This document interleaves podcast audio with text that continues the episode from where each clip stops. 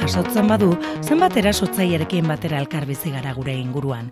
Bizkaiko gizarte egiturako kolektibo eta pertsona ezberdin asko inguruan izandako aurren kontrako indarkeri kasuak direla eta gaia gizarteratzeko duen garrantzia eta urgentziaz hausnartzeko dei egin dute gaur goizean.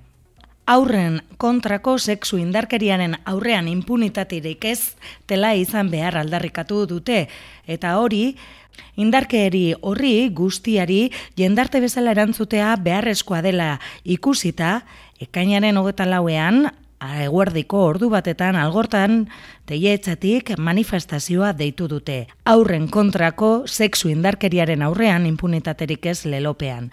Txikitzu zuen egia gurea eginez guk sinesten dizuegu. Gaur goizeko agerraldi jendetzuak argi urtzi dute aurren kontrako indarkeria patriarkala salatu beharra dagoela. Aurren kontrako bortizkeria patriarkalak badituelako dimentzio ezberdinak. Eraso fisikoak, psikologikoak, arduragabekeria fisikoa eta emozionala eta sexu abusuak. Indarkeria aldearea anitz horien zutabeak estukilotuta daudela patriarkatuenen baitako jendarteratze prozesuei ere nabarmendu dute. Sexu abusua jasan duten aurrek gehienetan bere erasotzaia ezagutzen dute. Datuak ere eman dituzte, uneko larogeta marretan urbileko zenidea izaten da. Eurokoapo kontseiluak berak bostetik bat kanpaina abiatu du, aurren eskubiden urrak eta larri horren aurrean dagoen ikusezintasunari aurre egiteko asmoz. Lorea erostegirik irakurri du gaur goizean egineko manifestua. Sexu gehiagikeri dagokionean eguneroko errealitate dira gurean, esaterako. Salatzen diren sexu abusua kontuan hartuta, amairu urtetik beherako laun eskatotik batek eta zazpi mutiletik batek jasan ditu noizbait bere bizitzan.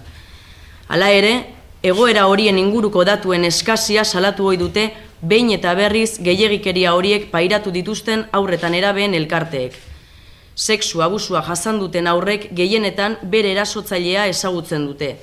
Euneko larogeta marrean urbileko zenidea da.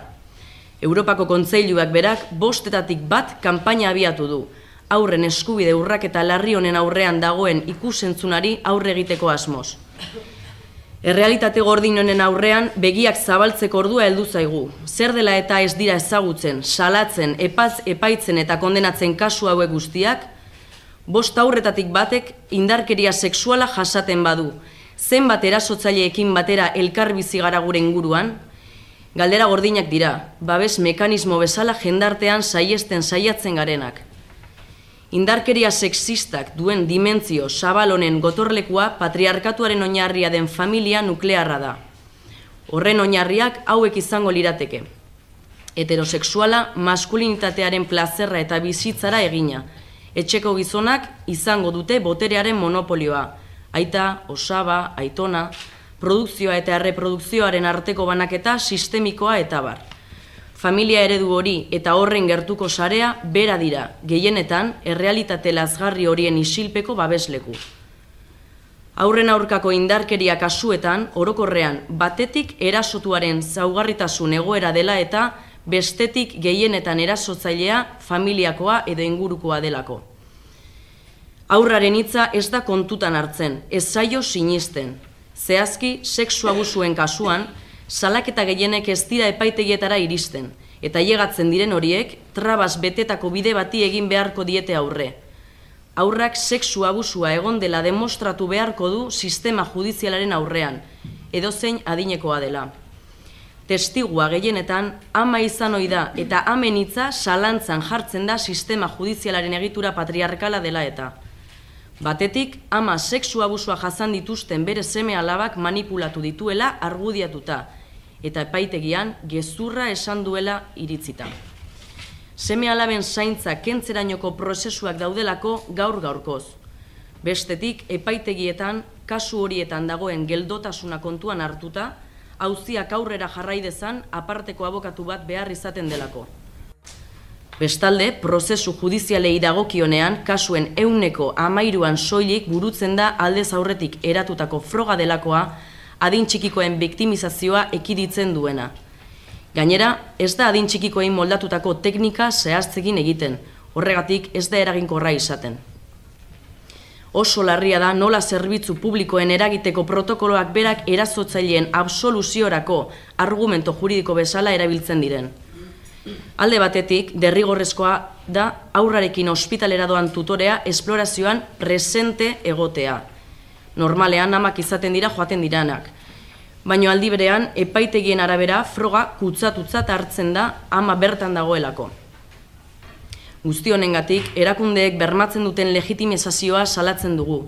Gure jendartean errotutako mekanismo eta sistemen atzerako eta patriarkalaren isla direlako, bereziki adin txikikoen kasuetan hartzen den izaera bortitza kontuan hartuta. Indarkeria honi guztiari jendarte bezala erantzutea beharrezkoa da. Gure inguruan, gertatzen diren kasuen aurrean begiak zabaldu eta ausnartu. Horregatik, manifestazioa deitzen dugu ekainaren hogeta lauan, ordu batetan algortan, teietxetik, aurren kontrako sexu indarkeriaren aurrean impunitaterik ez lelopean. Txikitzu, zuen egia gurea eginez guk sinisten dizuegu.